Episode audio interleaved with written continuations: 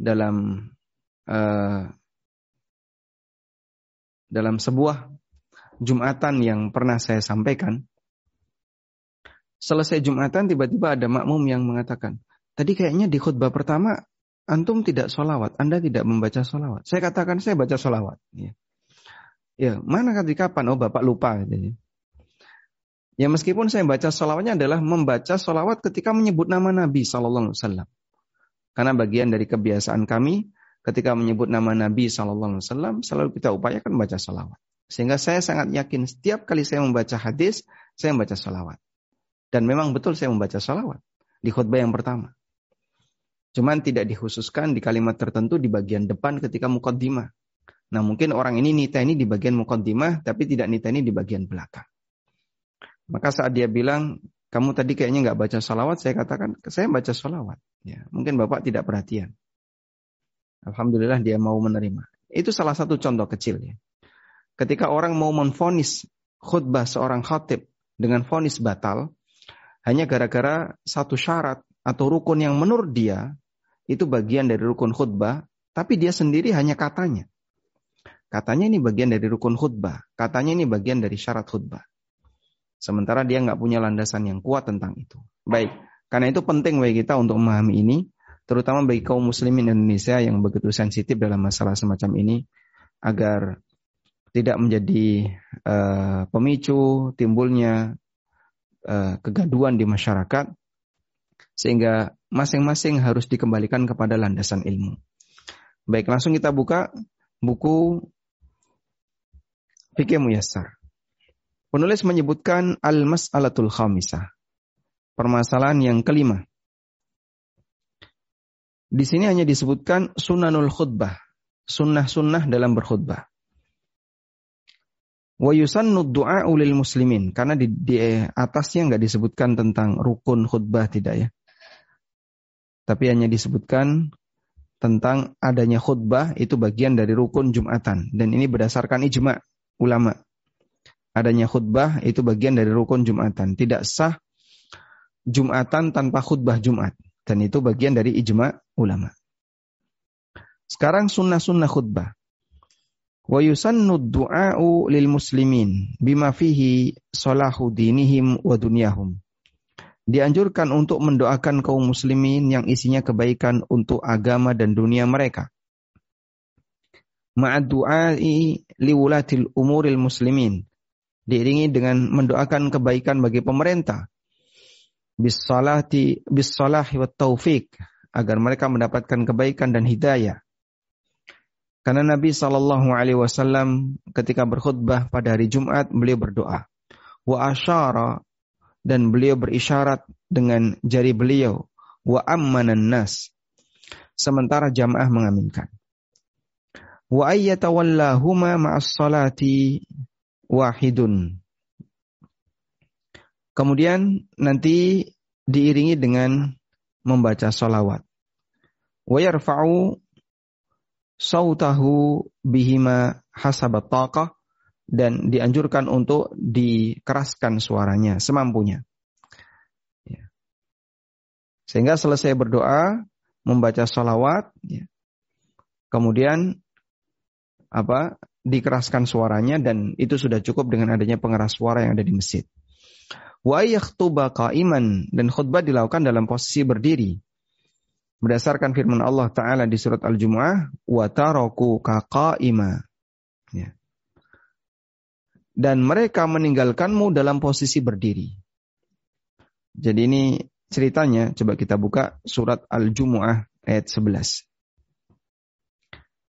Pada waktu Nabi Shallallahu Alaihi Wasallam sedang berkhutbah, tiba-tiba datang pedagang yang membawa barang dagangan. Nah, mereka tertarik untuk membeli barang-barang dagangan itu karena ini pedagang baru datang, tentu barang dagangannya masih komplit, masih banyak. Akhirnya para sahabat yang ada di hadapan Nabi SAW ketika Jumatan mereka bubar, ya, lalu mendatangi pedagang itu yang tertinggal di masjid hanya beberapa orang. Ada yang menyebutkan tinggal 12 orang. Coba kita simak keterangan Ibnu Katsir. Ya. Allah Subhanahu wa taala mencela apa yang terjadi di kalangan para sahabat ketika itu yaitu al-insiraf anil khutbah yaumal jum'ah di mana mereka pergi meninggalkan khutbah di hari Jumat ilat tijarah untuk mendatangi pedagang allati qadimat al-Madinah yauma idzin yang waktu itu datang di kota Madinah dan Nabi SAW berkhutbah di atas mimbar dalam posisi berdiri dan beliau dikatakan oleh Allah dalam dalam ayat ini wataraku kaqaima mereka meninggalkanmu dalam posisi berdiri. Dari Salim bin Abil Ja'ad dari Jabir bin Abdullah beliau mengatakan qadimat irul Madinah ada pedagang di kota Madinah yang datang dan Rasulullah SAW sedang berkhutbah. Fakarajan nas akhirnya jamaah itu keluar dari masjid bubar Wa isna asyara rajulan yang tersisa hanya 12 orang. Panazalat kemudian turun firman Allah Ta'ala Al-Jumu'ah ayat terakhir wa idza ra'au tijaratan aw lahwanin faddu ilaiha wa taraku qa'ima. Ketika mereka melihat ada pedagang yang datang, barang yang banyak datang, aulahwan atau perkara dunia. Infaddu ilaiha, mereka bubar menuju perdagangan itu, wataraku kakaima dan mereka meninggalkanmu dalam posisi berdiri. Sehingga khutbahnya Nabi SAW ketika itu posisinya berdiri. Maka Allah katakan, wataraku kakaima. Mereka meninggalkanmu, wahai Muhammad, dalam posisi berdiri. Dan tidak ada yang tinggal di masjid selain hanya 12 orang. Baik.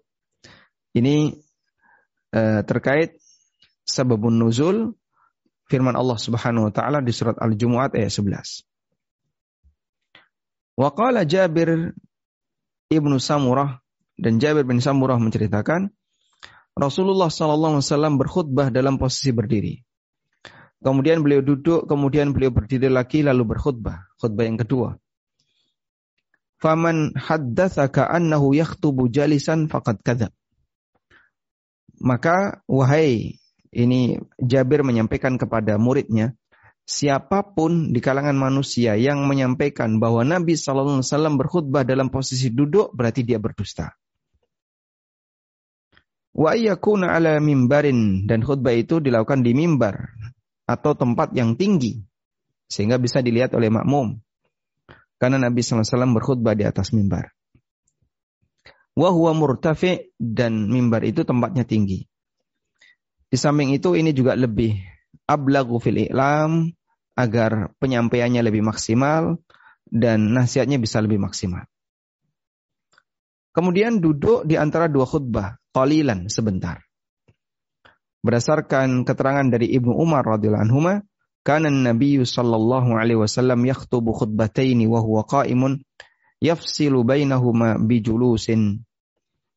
Nabi SAW berkhutbah dua kali dalam posisi berdiri dan beliau selai dengan duduk. Berdiri, duduk, berdiri. Wa yusannu qasrul khutbatain dan dianjurkan untuk memperpendek khutbah. Wathaniyah aksaru minal ula. Khutbah yang kedua dibuat lebih pendek daripada khutbah yang pertama. Berdasarkan hadis Ammar secara marfu. Di mana Ammar meriwayatkan Nabi SAW bersabda, Inna tula salatir rajuli wa qasri khutbatihi ma'innatun min fikhihi. Panjangnya salat seseorang ketika Jumatan dan pendeknya khutbah yang dia sampaikan adalah pertanda fakihnya orang ini. Sehingga kenapa khutbahnya pendek? Karena dia pinter memilih kata pinter memilih kata yang membuat orang itu bisa langsung paham. Sehingga menjelaskannya tidak perlu panjang lebar. Karena itu khutbah Jumat dengan apa? redaksi yang pendek. Semakin pendek khutbah atau begini ya. Khutbah Jumat lebih pendek daripada sholat Jumat. Dan Anda bisa bayangkan, sholat Jumat dengan bacaan dikeraskan, jahar, di mana rokaat pertama membaca surat Al-A'la, rokaat yang kedua membaca surat Al-Ghashiyah, itu kan waktunya berapa menit? Paling kurang lebih 10 menit, anggaplah. Dengan pelan-pelan 10 menit. Atau misalnya kita genapkan jadi 15 menit untuk sholat dua rakaat itu. Sudah terlalu lama itu, 15 menit. Ini dengan standar sholatnya Nabi SAW. Berarti khutbahnya kurang lebih hanya 10 menit. 12 menit. Ya. Sehingga kalau ini sampai di uh, di waktu 15 menit, khutbahnya ya kurang lebih 12 menit atau 10 menit. 10 sampai 12 menit. Sehingga khutbahnya lebih pendek daripada daripada sholat Jumat. 10 sampai 12 menit. Baik. Karena itu, kenapa disebut itu bagian dari tanda fikihnya seseorang, tanda tanda kalau orang ini adalah orang yang fakih karena khutbah yang pendek. Karena khutbah yang pendek Berarti dia pandai memilih pandai memilih kalimat. Pandai memilih kata atau memilih kalimat. Sehingga dia bisa sampaikan khutbah itu pendek. Namun pesan itu mengena. Dan itu bagian dari salah satu kelebihan yang diberikan oleh Allah kepada Nabi SAW. Yang disebut dengan jawamiul kalim. Meskipun manusia biasa nggak punya. Namun ketika orang bisa membuat kalimat yang pendek tapi dia mengena dan maknanya padat itu salah satu di antara tanda fikihnya seorang muslim. Baik. Karena itulah para ulama menyebut khutbah Jumat yang pendek itu sifatnya tau'iyah. Khutbahnya sifatnya tau'iyah apa itu tau'iyah? Tau'iyah artinya indoktrinasi. Khutbah itu dilakukan dengan metode indoktrinasi. Sehingga apa yang dia sampaikan itu isinya doktrin-doktrin. Karena ini bukan waktu untuk menjelaskan panjang lebar. Maka kalau ada orang khutbah sampai satu jam, ada yang 45 menit, setengah jam aja sudah terlalu panjang. Sampai jamaah tidur-tidur. Akhirnya dia nggak dengerin. Dan menyebabkan khutbah Jumat itu menjadi kesempatan yang membosankan. Sebab khotibnya tidak tidak menggunakan metode tau'iyah ini. Makanya khutbah itu tau'iyah disampaikan dengan cara doktrin-doktrin. ya Kalimatnya ringkas, padat, sehingga jamaah nggak bakalan tidur jamaah nggak bakalan tidur. Yang menyebabkan jamaah itu tertidur adalah khutbah yang panjang, penjelasannya lebar, membosankan. Akhirnya ditinggal turu. Padahal siang hari kita tahu ya, bagi para pekerja itu adalah kesempatan untuk istirahat. Sehingga saat duduk mendengarkan khutbah, dia itu posisinya sangat ngantuk. Maka disuruh konsentrasi maksimal dengan keterangan yang panjang dan mungkin mereka tidak merasa butuh, ya ditinggal tidur. Karena itu betul bagian dari hikmah syariat. Bahwa khutbah itu sifatnya tawiyah. Sehingga kita misalnya menyampaikan sebuah kalimat. Wahai kaum muslimin, perhatikan bahwa menuntut ilmu agama itu wajib. Nah, tawiyah ya. Doktrin ya. Siapa yang tidak belajar ilmu wajib maka dia berdosa.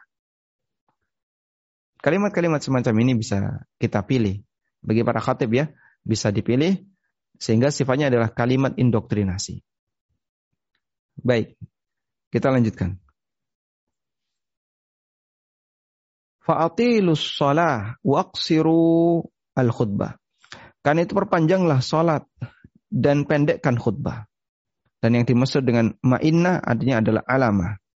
Yang ini ada kalimat wa qasru khutbatihi ma'innatun min fikhi. Maksudnya adalah alamatun min fikhi. Tanda dari fikihnya, pemahaman seseorang terhadap agama. Kepandaian seseorang terhadap agama. Wa yusannu ayusallimal khatibu alal ma'mumin idza aqbala alaihim. Dianjurkan bagi khatib untuk menyampaikan salam kepada makmum ketika beliau menghadap ke makmum. Berdasarkan keterangan dari Jabir radhiyallahu anhu, Rasulullah sallallahu alaihi wasallam ketika naik mimbar beliau menyampaikan salam. Wa yusannu ayajlisa 'alal mimbari idza ila faragil muadzin dan dianjurkan untuk duduk di atas mimbar sampai selesai azan. Salam, duduk sampai selesai azan. Kemudian setelah itu berdiri khutbah. Berdasarkan keterangan Ibnu Umar radhiyallahu anhu, Nabi SAW duduk ketika beliau naik mimbar sampai muadzin selesai azan. Thumma yakumu fayakhtub. Kemudian beliau berdiri dan berkhutbah. Wa yusannu ayya'tamidal khatibu ala asa wa nahwiha wa yusannu lil khatibi ay yaqsuda tilqa'a wajhihi li fi'lihi sallallahu alaihi wasallam dalika dianjurkan agar khatib menggunakan tongkat atau semacamnya dan dianjurkan bagi khatib untuk serius dalam menghadap ke depan sebagaimana yang dilakukan oleh Nabi sallallahu alaihi wasallam. Sehingga tidak nunduk begini tapi menghadap ke arah makmum, hadapi makmum. Maka perlu persiapan mental bagi yang tidak terbiasa. Sehingga bukan nunduk, bukan bukan cuma nunduk saja tapi menghadap ke arah makmum. Baca teks boleh nggak Pak? Boleh. Cuman sesekali menghadap ke arah makmum. Baik, ini penulis memberi judul dengan Sunanul Khutbah. Sunanul khutbah di sini wallahu alam ada kemungkinan bisa maknanya adalah ajaran-ajaran dalam khutbah atau aturan khutbah karena sunan itu bisa bermakna ajaran atau aturan bisa juga bermakna amalan sunnah. Sehingga yang dimaksud sunanul khutbah ini bisa maknanya adalah uh, ajaran khutbah Artinya aturan dalam berkhutbah bisa juga maknanya adalah amalan sunnah ketika berkhutbah.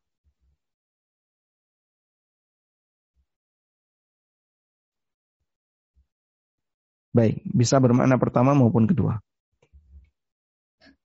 Dan nampaknya yang lebih mendekati adalah yang pertama. Sunnah-sunnah Nabi SAW ketika berkhutbah.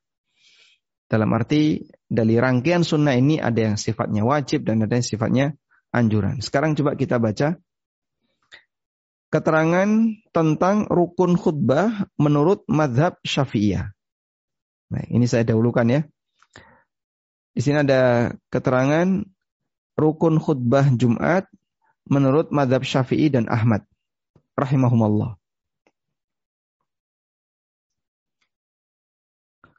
Di sini ditegaskan bahwa rukun khutbah Jumat menurut Syafi'iyah dan Hambali sebagaimana yang disebutkan oleh para muhakkikul madhabain, para ulama peneliti dari dua madhab, takadu tattafiqu illa qalila. Banyak yang sama kecuali yang kecuali sedikit. Maka di sini kita akan sebutkan beberapa keterangan dengan mengacu pertama pada keterangan An-Nawawi sebagai ulama Uh, peneliti dalam madhab syafi'i. Dan yang kedua adalah keterangan Ibnu Qudamah sebagai ulama peneliti dalam madhab hambali. Baik. Rukun yang pertama adalah memuji Allah subhanahu wa ta'ala. Dan ini disepakati antara syafi'i dan hambali. Sehingga ketika berkhutbah harus memuji Allah subhanahu wa ta'ala. Innal hamdalillah. Alhamdulillahi rabbil alamin. Atau kalimat semacamnya intinya memuji Allah. Dan ini berdasarkan hadis namun dhaif. Kullu kalamin la yubda'u fihi bilhamdalah lillah fawwa ajdam. Setiap ucapan yang tidak diawali dengan hamdalah, maka kalimat itu ajdam. Kalimat itu uh, terputus. Dan dalam Sahih Muslim dari Jabir, beliau menceritakan bahwa khutbah Nabi SAW ketika di hari Jumat, beliau memuji Allah wa asna alaihi bima huwa ahlu Beliau banyak memuji Allah. Waqala Ahmad dan kata Imam Ahmad, lam yazalin nasu yakhtubuna bithanai 'ala Allah was salati 'ala rasulih sallallahu alaihi wasallam. Manusia setiap kali berkhutbah mereka selalu memuji Allah dan bersalawat kepada Nabi sallallahu alaihi wasallam. Sehingga ini prinsip ya bahwa rukun yang pertama dalam khutbah adalah memuji Allah Subhanahu wa taala. Selanjutnya, rukun yang kedua, memberikan salawat kepada Nabi sallallahu alaihi wasallam. Baik, dan penjelasannya adalah wajhu indahum. Kenapa ini bagian dari rukun khutbah? Penjelasannya, anna kulla ibadatin iftakarat ila zikrillah ta'ala iftakarat ila zikri Rasulillah SAW. Kal adhan. Semua ibadah yang di situ harus menyebutkan zikrullah, maka di saat yang sama harus menyebut nama Nabi SAW. Semua ibadah yang di situ menyebut nama Allah, maka di saat yang sama di situ harus menyebut nama Nabi Sallallahu Alaihi Wasallam. Lalu di sini dikomentari wafihi nazar, meskipun alasan ini kurang tepat. Namun Imam Ahmad mengambil pendalilan dengan praktek yang dilakukan oleh masyarakat sejak masa silam. Bahwa mereka ketika berkhutbah itu selalu membaca hamdalah memuji Allah dan bersolat kepada Nabi Sallallahu Alaihi Wasallam. Baik, kita sudah dapat dua ya, memuji Allah, bersolat kepada Nabi Wasallam. Yang ketiga adalah wasiat takwa. Rukun salis, rukun yang ketiga. Menyampaikan wasiat untuk bertakwa kepada Allah. Dalilnya adalah anna maksud al khutbah wal wa'd. Karena tujuan inti khutbah adalah memberikan peringatan. Dan peringatan yang paling sempurna adalah perintah untuk takwa. Maka harus ada peringatan. Dan peringatan itu yang paling penting adalah takwa. Kemudian kata An-Nawawi, wahal yata'ayyanu lafzul wasiyah? Apakah wajib menggunakan alafat wasiat sehingga apakah wajib khotib itu mengucapkan kalimat aku berwasiat kepada para jamaah sekalian. Usikum bitaqwallah apakah wajib menyampaikan kalimat usikum bitaqwallah Fihi wajhan. Ada dua pendapat dalam mazhab syafi'i.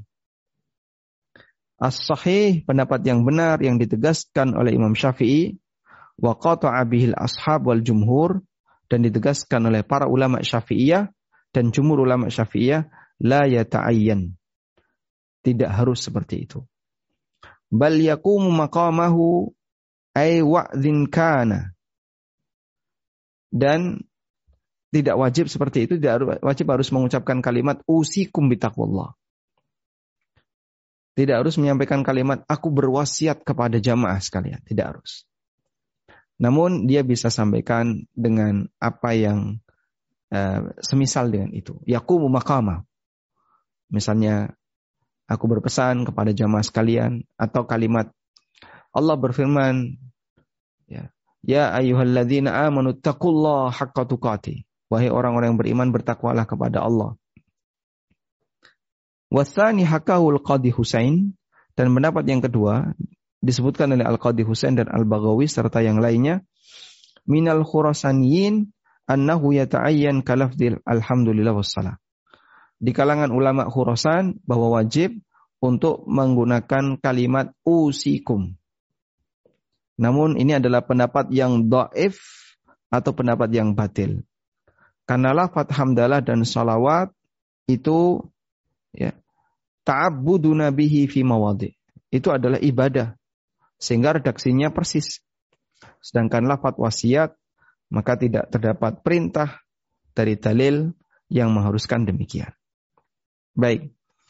Jadi di sini perlu dibedakan uh, wasiat takwa.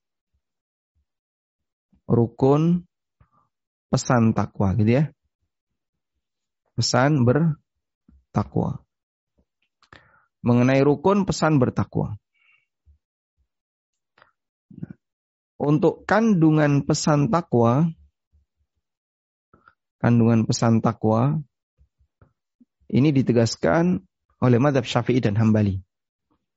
Yang kedua, apakah harus dengan redaksi wasiat?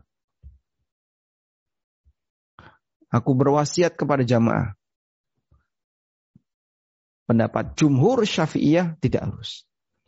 Sehingga tidak harus pakai kalimat usikum. Aku berwasiat, tidak harus pakai itu. Yang penting pokoknya ada pesan takwa. Sehingga boleh pakai kalimat misalnya Allah berpesan, Nabi SAW bersabda, Ittaqillaha haitsuma kunta. Dan kalimat yang semisal. Ya. Kita lanjutkan. Rukun yang keempat. Jadi kita sudah dapat tiga ya. Hamdalah, sholawat, pesan takwa. Yang keempat. Membaca salah satu ayat Al-Quran dengan syarat antakuna mufhimah maknan fala yujzi'u thumma nadhara. Ya. Dia harus membaca salah satu ayat dari Al-Quran dengan syarat ayat itu dipahami maknanya. Ya. Ayat itu dipahami maknanya. Berdasarkan hadis dari Jabir bin Samurah radhiyallahu anhu yang diriwayatkan oleh Muslim, karena Rasulullah sallallahu alaihi wasallam yaqra'u ayatin minal Qur'an wa yudzakkirun nas. Nabi SAW membaca beberapa ayat Al-Quran wa yudzakkirun nas dan beliau menyampaikan peringatan yang ada di dalam ayat yang ada di dalam ayat itu. Sehingga ketika ayat itu disebutkan, diterjemahkan dan diberikan penegasan. Misalnya Allah Ta'ala berfirman, Ya ayuhalladzina amanu kutiba alaikumus. Kama kutiba alal ladzina min qablikum. Wahai orang-orang yang beriman, diwajibkan bagi kalian puasa. Wahai seluruh jamaah yang ada di sini, Anda adalah orang yang beriman, maka Anda wajib untuk berpuasa besok di bulan Ramadan. Ya, penegasan seperti itu berarti dia baca ayat lalu ditegaskan. Ya dalam rangka untuk memahamkan. Dan Nabi Shallallahu Alaihi Wasallam membaca surat Qaf di atas mimbar ketika hari Jumat. Dan An Nawawi menukil ada empat pendapat dalam madhab Syafi'iyah tentang membaca ayat ketika khutbah. Dan pendapat yang benar dalam madhab Syafi'i dan ini yang ditegaskan oleh Imam Ash-Syafi'i dalam Al-Um wajib untuk membaca satu ayat minimal satu ayat fi ihdal khutbatain dalam salah satu dari dua khutbah Jumat. Baik. Ini syarat yang keempat. Kita sudah menghafal ya. Yang keempat adalah membaca salah satu ayat Al-Quran di salah satu khutbah Jumat. Di salah satu bisa khutbah pertama atau kedua. Rukun yang kelima. Wad du'a ulil mu'minin mendoakan kaum mukminin. Wa fi qaulan Syafi'iyah dan dalam hal ini ada dua pendapat Syafi'iyah. Faqala katsirun minhum bil istihbab. Mayoritas Syafi'iyah mengatakan atau banyak di kalangan Syafi'iyah mengatakan ini sifatnya anjuran. Allahumma gfir lil mu'minina wal mu'minat wal muslimina wal muslimat al ahya'i minhum wal amwat. Menurut banyak ulama Syafi'iyah ini sifatnya anjuran. Waqala jama'atun bil wujub dan sebagian ulama Syafi'iyah mengatakan wajib. Dan ini yang dinilai benar oleh An-Nawawi. Dan dalilnya adalah juryanul amali bihi mundu asri salaf. Sejak zaman salaf, zaman sahabat, praktek seperti ini dilakukan. Di mana ketika Jumatan mereka mendoakan kaum mukminin. Wa dzakaran Nawawi ini berarti rukun yang kelima dan disebutkan oleh An-Nawawi bahwa menurut anna madhab Ahmad bahwasanya dalam madhab Ahmad rukniyatu hadil khamsah fil khutbah. Ini termasuk di antara rukun dalam khutbah. Wa fi maqalahu nadhar. Namun keterangan An-Nawawi ini ternyata keliru karena ditegaskan oleh Al-Muwaffaq yaitu Ibnu Qudamah dalam Al-Mughni dan yang lainnya di kalangan ulama Hanbali ala anna du'a lil mu'minina fil khutbati mustahab mendoakan orang yang beriman ketika khutbah Jumat sifatnya anjuran dan tidak wajib. Itu dalam madhab Hambali. Tapi dalam madhab Syafi'i itu wajib, bagian dari rukun Jumatan. Meskipun dalam hal ini Syafi'i ada dua madhab, ada dua pendapat. Afwan, dalam Syafi'i ada dua pendapat. Ada yang mengatakan wajib dan ada yang mengatakan anjuran.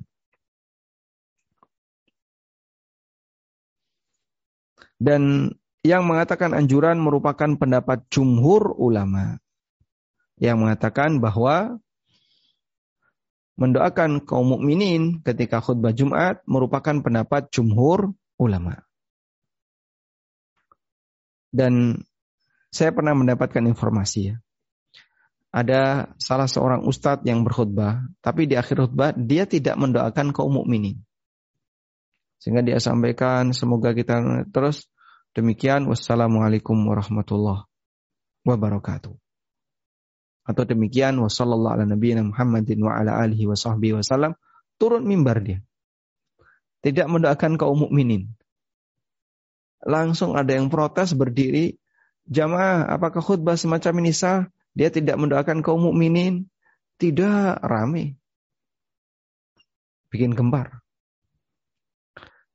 Baik, padahal dalam madhab syafi'i sendiri ada dua pendapat. Ada yang menilai itu wajib dan ada yang menilai itu sunnah. Dan yang menilai itu wajib, itu wajib di salah satu khutbah. Tidak harus kedua khutbah. Dan pendapat jumhur mengatakan itu sunnah dan tidak wajib. Ya, meskipun kalau misalnya dia memakai pendapat syafi'iyah, ya dalam madhab syafi'i ada dua. Ada yang menilai wajib dan ada yang menilai sunnah. Wallahu alam. Tayyib.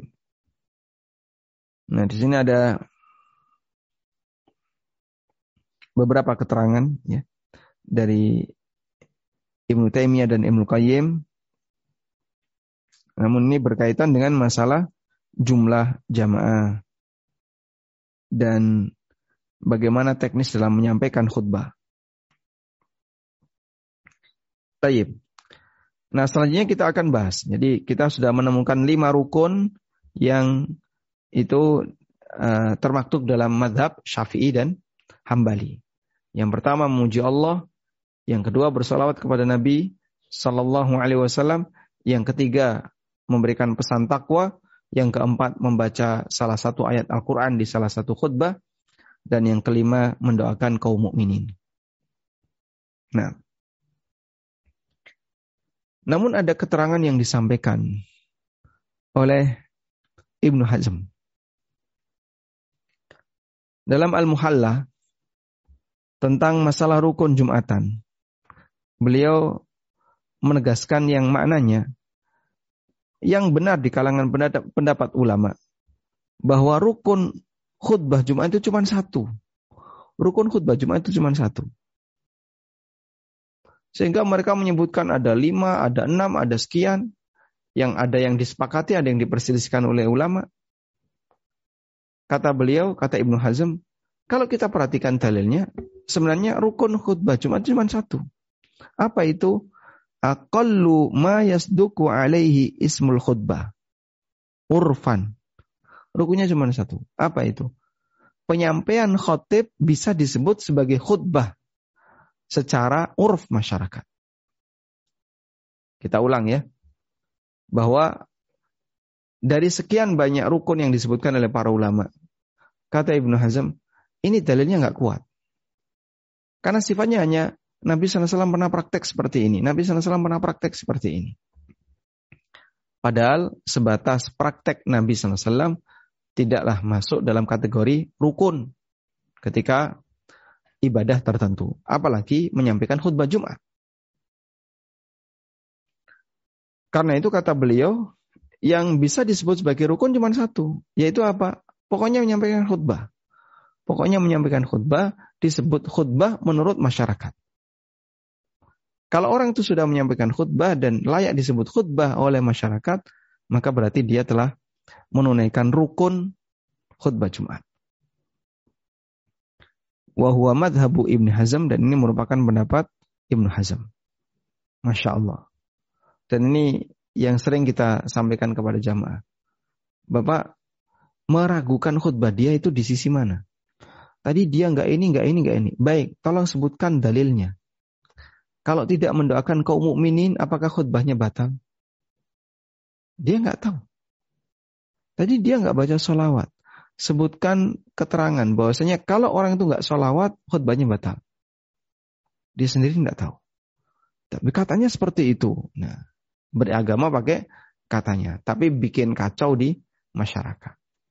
Sehingga dudukkan dulu masalahnya dia dinilai batal kenapa? Nah, dan tadi sudah kita sampaikan bahwa tentang membaca sholawat ketika berkhutbah, ulama beda pendapat.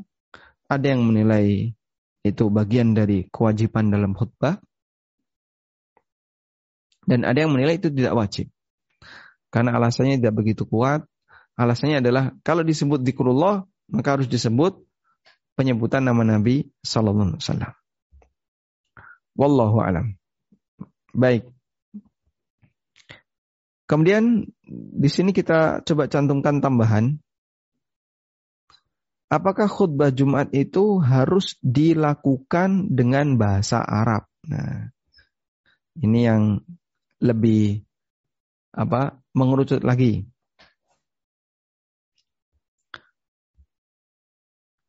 Di sini disebutkan ittafaqal fuqaha ulama sepakat bahwa khutbah Jumat yang paling afdol menggunakan bahasa Arab. Namun mereka berbeda pendapat apakah itu syarat ataukah bukan. Ala salah satu akwal ada tiga pendapat dalam masalah ini. Pendapat yang pertama disyaratkan untuk pakai khutbah Jum, eh, untuk pakai bahasa Arab lil qadir alaiha bagi yang bisa bahasa Arab. Walau kana sami'un la ya'rifun al-arabiyyah meskipun jamaahnya nggak ngerti nggak kenal bahasa Arab, nggak ngerti bahasa Arab. Tapi khotibnya kalau dia bisa bahasa Arab harus bahasa Arab. Ini merupakan pendapat Malikiyah dan salah satu pendapat yang masyhur dalam madhab Hambali. Baik. Pendapat yang kedua tidak disyaratkan pendapat yang kedua yushtaraku antaku nabil arabiyah lil qadir 'alaiha illa idza kana sami'un jami'an la ya'rifuna bil arabiyah fa innahu yaktufu yaktubu lughatihim. Pendapat kedua, disyaratkan khutbah itu pakai bahasa Arab. Kecuali jika kondisi pendengar dan jamaah nggak ngerti, maka dia bisa khutbah dengan bahasa yang mereka pahami. Dan ini merupakan pendapat yang sahih dalam madhab syafi'iyah. Wabihi qala ba'dul hanabilah. Dan ini pendapat sebagian ulama hambali. Nah sekarang Anda bisa bayangkan ya. Kalau kita komitmen dengan madhab syafi'iyah, madhab syafi'iyah itu menyampaikan bahwa orang yang uh, berkhutbah wajib menggunakan bahasa Arab. Harus pakai bahasa Arab. Ini syarat. Namun jika makmumnya nggak ada yang bisa bahasa Arab, ya diganti dengan bahasa yang dipahami oleh makmum. Ini madhabnya syafi'iyah. Al-Qaulus Salis, pendapat yang ketiga, bahwa yustahabbu antakuna bil arabiyah wala yustarat. Pakai bahasa Arab itu sifatnya anjuran dan tidak bukan syarat dan tidak disyaratkan. Sehingga khotib bisa berkhutbah dengan bahasa apa pun selain bahasa Arab. Dan ini merupakan pendapat Abu Hanifah dan sebagian ulama Syafi'iyah. Dan pendapat yang ketiga inilah yang lebih mendekati kebenaran dan dipilih oleh para ulama kontemporer saat ini karena tidak terdapat dalil yang tegas yang mewajibkan kaunul khutbah bil lughatil arabiyah. Khutbahnya harus dengan bahasa Arab. Dan inti dari khutbah adalah ya khusulul wa'zi wan naf'i wal afaidah. Agar khotib bisa memberikan nasihat, pesan yang bermanfaat bagi para jamaah. Dan kalau jamaahnya nggak paham bahasa Arab, gimana? Khotibnya daki-daki pakai bahasa Arab, ya. Dia bicara pakai bahasa Arab, ternyata makmumnya nggak paham sama sekali. Maka dalam posisi ini uh, fungsi jumatan jadi tidak bekerja secara maksimal karena khotibnya pakai bahasa yang tidak dipahami oleh makmum.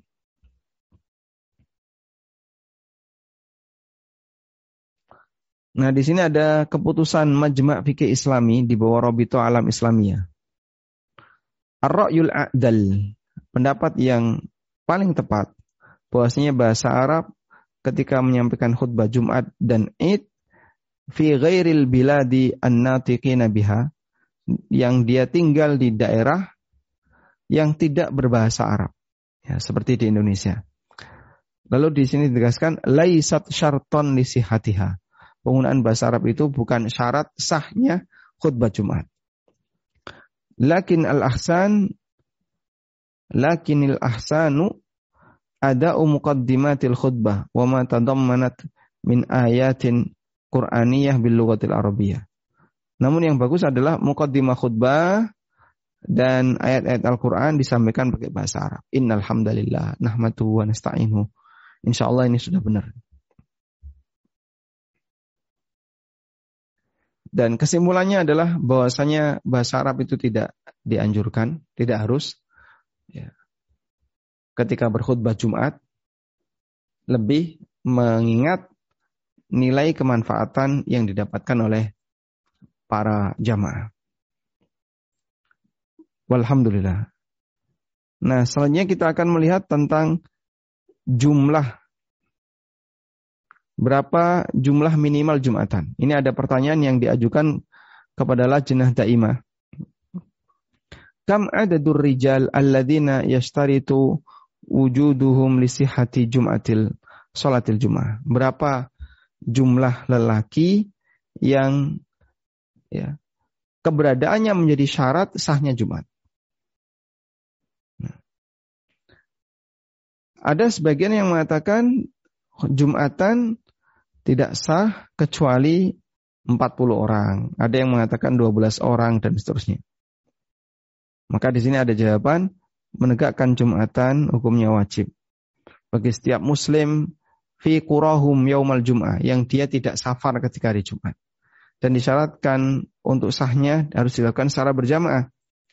Walam yathbut dalilun syar'iyyun ala istirati adadin muayyan fisihatiha dan tidak dijumpai adanya dalil syar'i yang mensyaratkan yang menegaskan jumlah tertentu ya,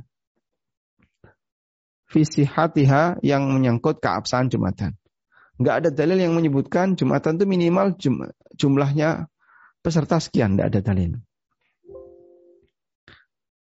Maka selama bisa disebut sholat jum, uh, sholat jamaah bisa dipakai untuk jumatan. Maka di sini disebutkan fayak fayak lisihatiha iqamatuha bi salasati aksar fa aksar. Maka cukup ya.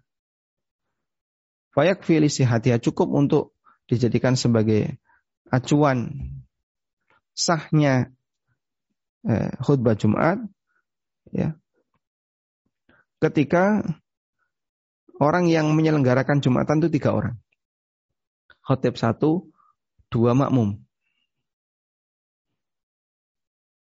Karena biar bisa dijadikan sebagai sholat jamaah. Wallahu alam. Kemudian di sini ada jumlah minimal 40 dan seterusnya. Ini sifatnya hanya istihad sebagian ulama. Wallahu alam. Walhamdulillahirabbil alamin. Baik, sampai di sini barangkali ada yang mau disampaikan?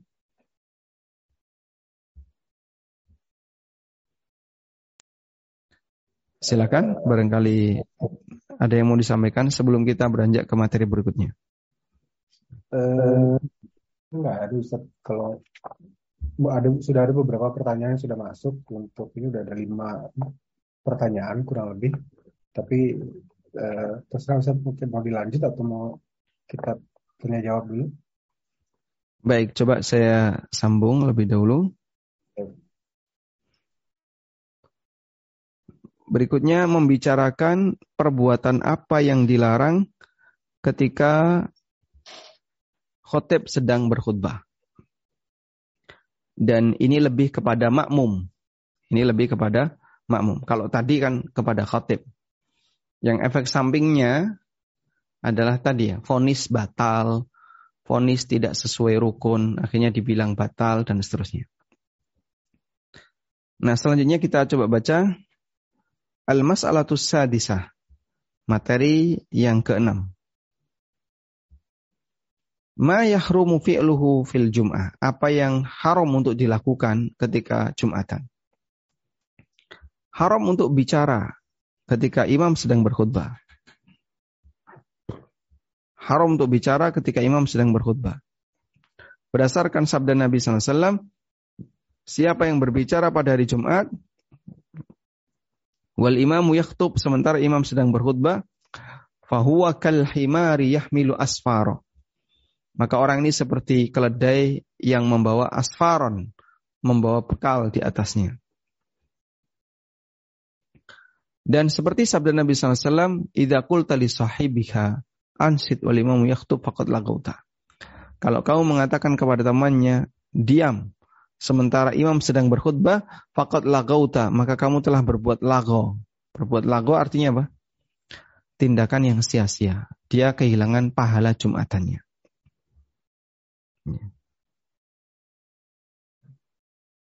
Dan haram juga untuk uh, tukhatti riqabin nas untuk ngelangkai pundak-pundak orang. Sehingga jamaah sudah pajar jajar. Terus dia datang telat. Saat dia datang telat, di depan tuh dia cari. Wah itu masih ada satu ruangan, insya Allah masih bisa. Akhirnya dia ngelangkah, ngelangkah, ngelangkah buka pundak-pundak orang. Ini hukumnya haram. Karena Nabi SAW pernah melihat ada orang yang melakukan seperti itu. Yatakhatta ar-riqaba faqala ijlis faqat azaita. Kemudian beliau langsung merintahkan, duduk, kamu ganggu banyak orang. Sudah datangnya telat. Nah, kemudian dia cari tempat duduk di belakang, akhirnya pundak-pundaknya di dibukain. Fafihi aziyatun lil musallin. Sebab dengan cara seperti ini akan mengganggu orang yang sholat. Wa ishghalun lahum an sima'il khutbah. Dan menyibukkan mereka sehingga tidak bisa mendengarkan khutbah dengan maksimal. Adapun imam maka tidak masalah jika dia harus melangkai pundak. Jika tidak memungkinkan bagi dia untuk sampai di tempatnya illa bidzalika kecuali dengan melangkai pundak. Wa yukrahu at-tafriqu bainas santain bainasnain dan makruh untuk memisahkan di antara dua ya, di antara dua hal. Yaitu orang yang sedang duduk.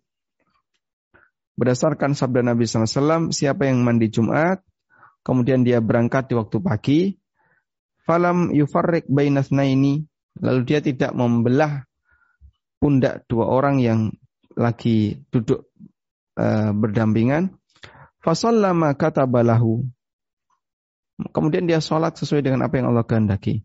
Maka dosa-dosa yang telah diletakkan diampuni, ditambah dengan Jumatan ke Jumatan berikutnya.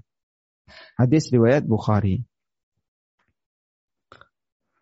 Baik, intinya beberapa larangan ini tujuannya adalah dalam rangka untuk mendisiplinkan mendisiplinkan kaum muslimin agar dia bisa lebih fokus dalam mendengarkan khutbah Jumat. Walhamdulillahirabbil alamin. Demikian yang bisa kita sampaikan. Semoga menjadi materi yang bermanfaat. Wassalamualaikum Muhammadin wa ala alihi wa sahbihi wasallam. Alhamdulillah rabbil alamin. Jazakallah khair Ustaz atas ilmunya. Insyaallah bagi kami khususnya saya. Baik, ada beberapa pertanyaan yang sudah masuk. Saya akan mulai share screen. Uh, yang pertama, izin bertanya Ustaz, uh, manakah yang lebih afdol bagi perempuan yang sedang musafir bersama suami uh, ikut sholat Jumat atau tetap sholat zuhur secara terpisah? Baik. Mana yang lebih afdol bagi wanita ikut sholat Jumat atau sholat zuhur? Karena beliau sudah berada di luar rumah ya. Posisi beliau tadi kan sedang safar. Maka nilai abdoliyah tidak bisa diukur sholat di dalam dan sholat di luar. Sebab beliau sudah berada di di luar. Dan memang yang paling afdol wanita itu sholat di dalam rumah, bukan di luar. Tapi ini kan sedang safar, sudah berada di luar. Nah terus yang paling afdol kalau kondisinya kayak gini gimana? suami mampir Jumatan, ibunya berada di mobil. Kalau suasananya semacam ini, wallahu alam yang kami pahami, melihat apakah di situ ada jamaah wanita atau tidak. Kalau ada jamaah wanita, silahkan bergabung. Kalau nggak ada, tidak perlu bergabung. Ya. Sehingga acuannya ada nggak jamaah wanita di situ? Oh ada pak di atas. Baik, silahkan uh, istri anda ikut ke atas agar nanti bisa mendengarkan khutbah Jumat. Dan Jumatan itu pahala yang sangat besar. Atau sholat wajib yang paling tinggi derajatnya. Itu Jumatan. Karena itu eh, jika karena ibu sudah berada di luar ya sedang safar, jika ibu melihat ada jamaah perempuan yang ikut Jumatan silahkan bergabung. Wallahu alam. Selanjutnya berikutnya eh, pertanyaan kedua. Assalamualaikum Ustaz. Pak Afwan uh, bertanya, untuk sholat sunnah di hari Jumat, Kolbiah atau Badiah Jumat, apakah sesuai hadis Ustaz? Waalaikumsalam warahmatullah. Qobliyahnya itu dilakukan sebelum adzan Jumatan. Karena ketika adzan dikumandangkan, makmum mendengarkan khutbah. Gimana mau qobliyah? Sehingga seharusnya kalau syariat itu linier, maka saat imam berkhutbah, ya, nggak mungkin dia nyuruh qobliyah. Karena akan kesulitan. Ya. Baik. Sehingga tidak perlu qobliyah, namun adanya adalah sholat sebelum adzan. Dan itu dianjurkan untuk memperbanyak sholat, bisa memperlama, bisa memperbanyak. Yang penting sholat sebelum adzan. Kemudian untuk Ba'diyah, ada Ba'diyah Jumatan. Nabi SAW sering sekali ketika sholat Ba'diyah, beliau sholat empat rakaat Ba'diyah Jumatan. Sehingga kadang beliau um, melakukan Qobliyah, eh, kadang apa? Beliau melakukan dua rakaat dan kadang empat rakaat untuk Ba'diyah Jumatan. Bisa dua rakaat, bisa empat rakaat. Wallahu alam. Berikutnya Assalamualaikum warahmatullahi wabarakatuh. Eh, makmum ketika berselawat berdoa di antara dua khutbah dan mengaminkan doa khatib apakah dengan suara keras atau lirih Ustaz?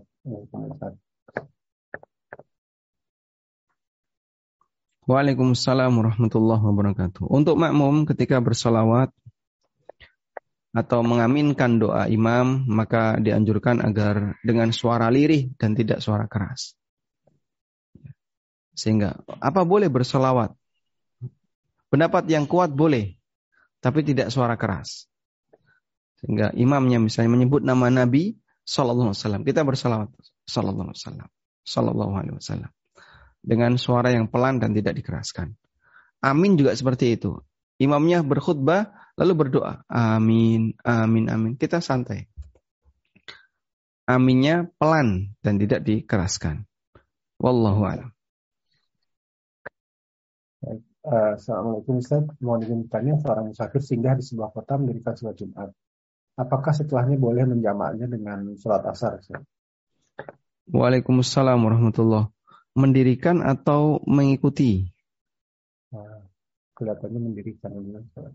Kalau mendirikan berarti sesama rombongan musafir membuat sholat Jumat. Ya. Tapi tidak bareng bersama masyarakat ya. Namun dia sendiri maka yang seperti ini tidak boleh. Karena bagian dari syarat Jumatan, ya, bagian dari syarat Jumatan, orang yang menyelenggarakan harus mustautin. Dulu pernah kita sampaikan ya. Iya, kajian sebelumnya. Nah, semoga masih ingat. Jadi ya. tolong bedakan antara menyelenggarakan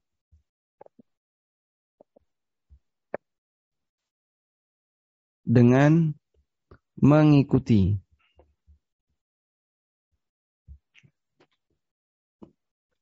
Kalau menyelenggarakan berarti mengadakan ya, iqamatul jum'ah. Ini wajib orang daerah setempat.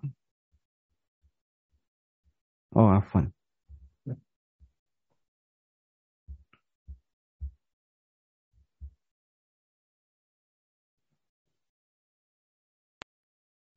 Jadi kalau menyelenggarakan maka harus orang daerah setempat. Nah, ini yang disebut dengan mukim atau mustautin tadi. Kalau mengikuti musafir boleh. Nah, bebas. Yang tidak wajib Jumatan pun dia boleh mengikuti. Seperti musafir atau orang sakit. Itu boleh mengikuti. Wallahu alam. Nah, sehingga jika yang dimaksud hanyalah mengikuti insya Allah tidak masalah. Tapi kalau menyelenggarakan Jumatan tidak boleh. Wallahu alam. Alhamdulillah Jadi uh, untuk yang mengikuti itu bisa menjama asar bisa ya Ustaz? Insya Allah pendapat yang kuat boleh meskipun ulama khilaf dalam masalah ini. Apakah Jumatan bisa dijamak dengan asar ataukah tidak? Dan pendapat yang kuat diperbolehkan. Baik. Baik. Uh, ini ada pertanyaan singkat saja Ustaz. Uh, salat sunnah sebelum dan setelah salat Jumat uh, itu berapa rakaat dan uh, dan apakah niatnya Ustaz? Untuk sebelum sholat Jumat berarti tadi sebelum imam naik mimbar, maka dia sholat sebanyak-banyaknya. Sholat, salam, sholat lagi salam, sholat lagi salam. Sampai imam naik mimbar. Ya. Apa yang dibaca bebas. Yang dibaca bebas. Mau baca surat A, surat B, surat C, silahkan. Wallahu alam.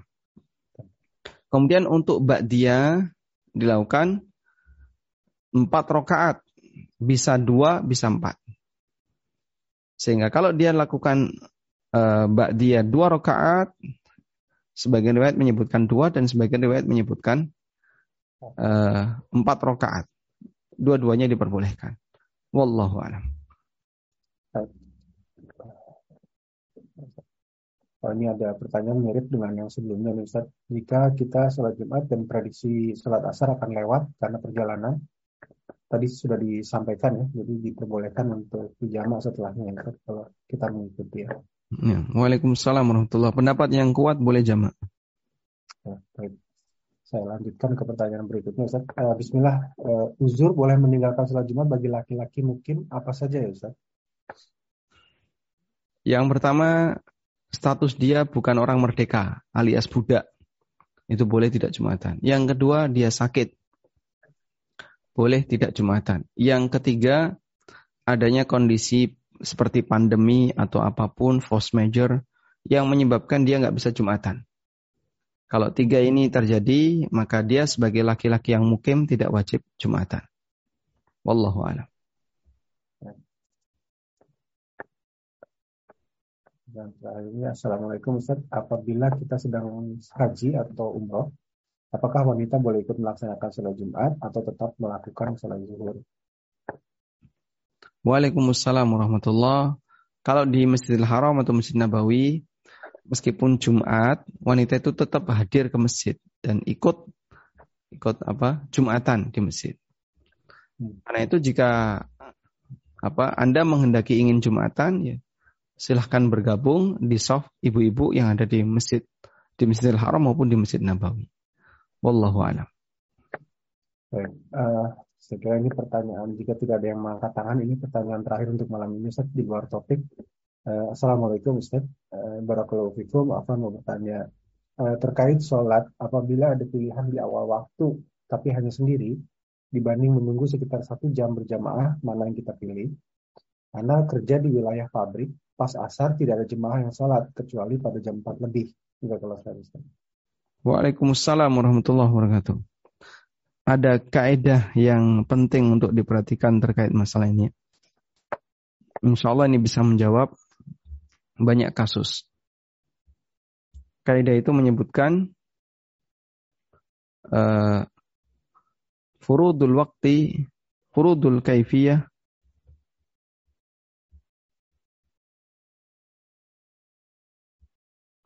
furudul kaifiyah muqaddamun ala furudil waqti.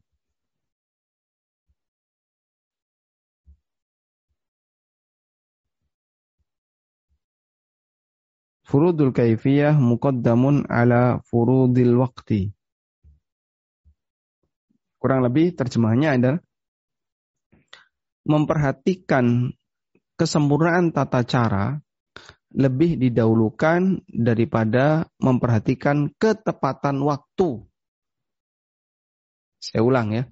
Memperhatikan kesempurnaan tata cara lebih didahulukan daripada memperhatikan kesempurnaan, malah lebih memperhatikan daripada dilakukan di awal waktu. Sehingga mana yang lebih dipilih? Begitu azan langsung sholat, ataukah dia ke toilet dulu, bersihkan dulu hajat-hajat yang barangkali nanti mengganggu pikiran waktu sholat. Maka yang pertama, ah, yang kedua lebih afdol. Sehingga dia selesaikan dulu hajatnya, kemudian baru uh, baru melaksanakan sholat. Agar kaifiah agar kaifiah sholatnya bisa semakin sempurna. Kenapa? Karena dia sempurna dulu, baru sholat. Sehingga kaifiahnya bisa semakin sempurna. Kasus yang lain. Ada si A di kereta. Si A di kereta. Dan kita tahu sendiri ya, kereta kan tidak ada musolanya. Misalnya jam 17.00 sampai di stasiun. Jam 5 sampai di stasiun. Dia perjalanan dari mulai jam 9. 9.00. Banyuwangi, Jakarta misalnya. Mulai dari pagi bahkan bisa jadi bukan jam 9 lagi, jam 8. Baik. Berarti dia melewati waktu zuhur, asar. Lalu melewati waktu asar. Saat dia melewati dua waktu seperti ini, sementara dia tiba di stasiun jam 17, dia prediksi. Apakah nanti ketika tiba di stasiun itu tidak melebihi batas waktu sholat asar ataukah tidak? Kalau tidak melebihi ya, batas waktu sholat asar, maka kerjakan setelah sampai stasiun. Sehingga jangan sholat dulu di atas kereta, biarkan aja. Nanti begitu sampai stasiun langsung kerjakan. Ya, tujuannya apa? agar kaifiahnya lebih sempurna meskipun dilakukan di akhir waktu. Karena ketika dia sholat di stasiun, dia bisa berdiri sempurna, dia bisa rukuk sempurna, dia bisa sujud sempurna. Duduk di antara dua sujud juga sempurna. Karena dia di, di darat, tidak di kendaraan. Tapi kalau di kendaraan, dia nggak bisa sujud, nggak bisa rukuk, dan banyak yang tidak bisa. Sehingga kaifiahnya kalah. Karena dalam rangka memperhatikan waktu yang betul dahulukan kaifiyah daripada waktu. Nah, sekarang jadi ada pertimbangan ya. Sholat sendiri dengan sholat jamaah.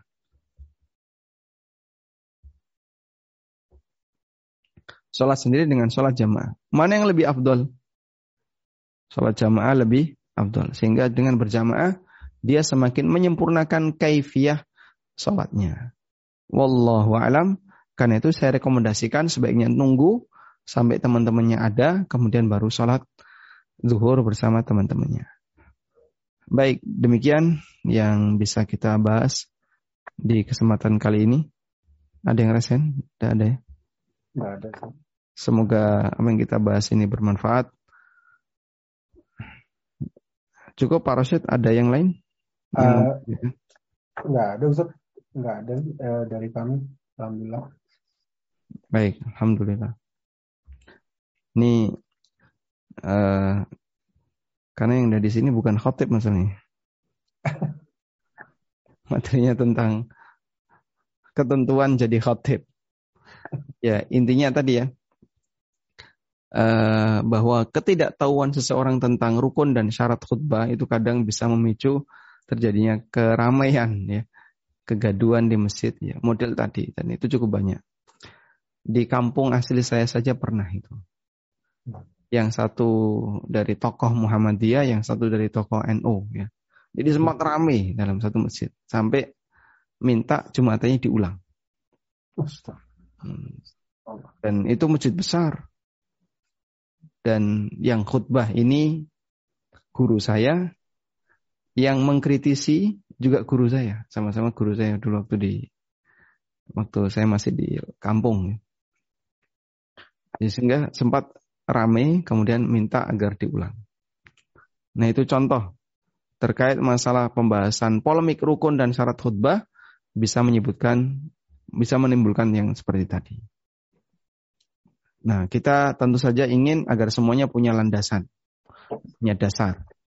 Sehingga amal yang kita kerjakan adalah amal yang berdasar, berdalil. Wallahu alam.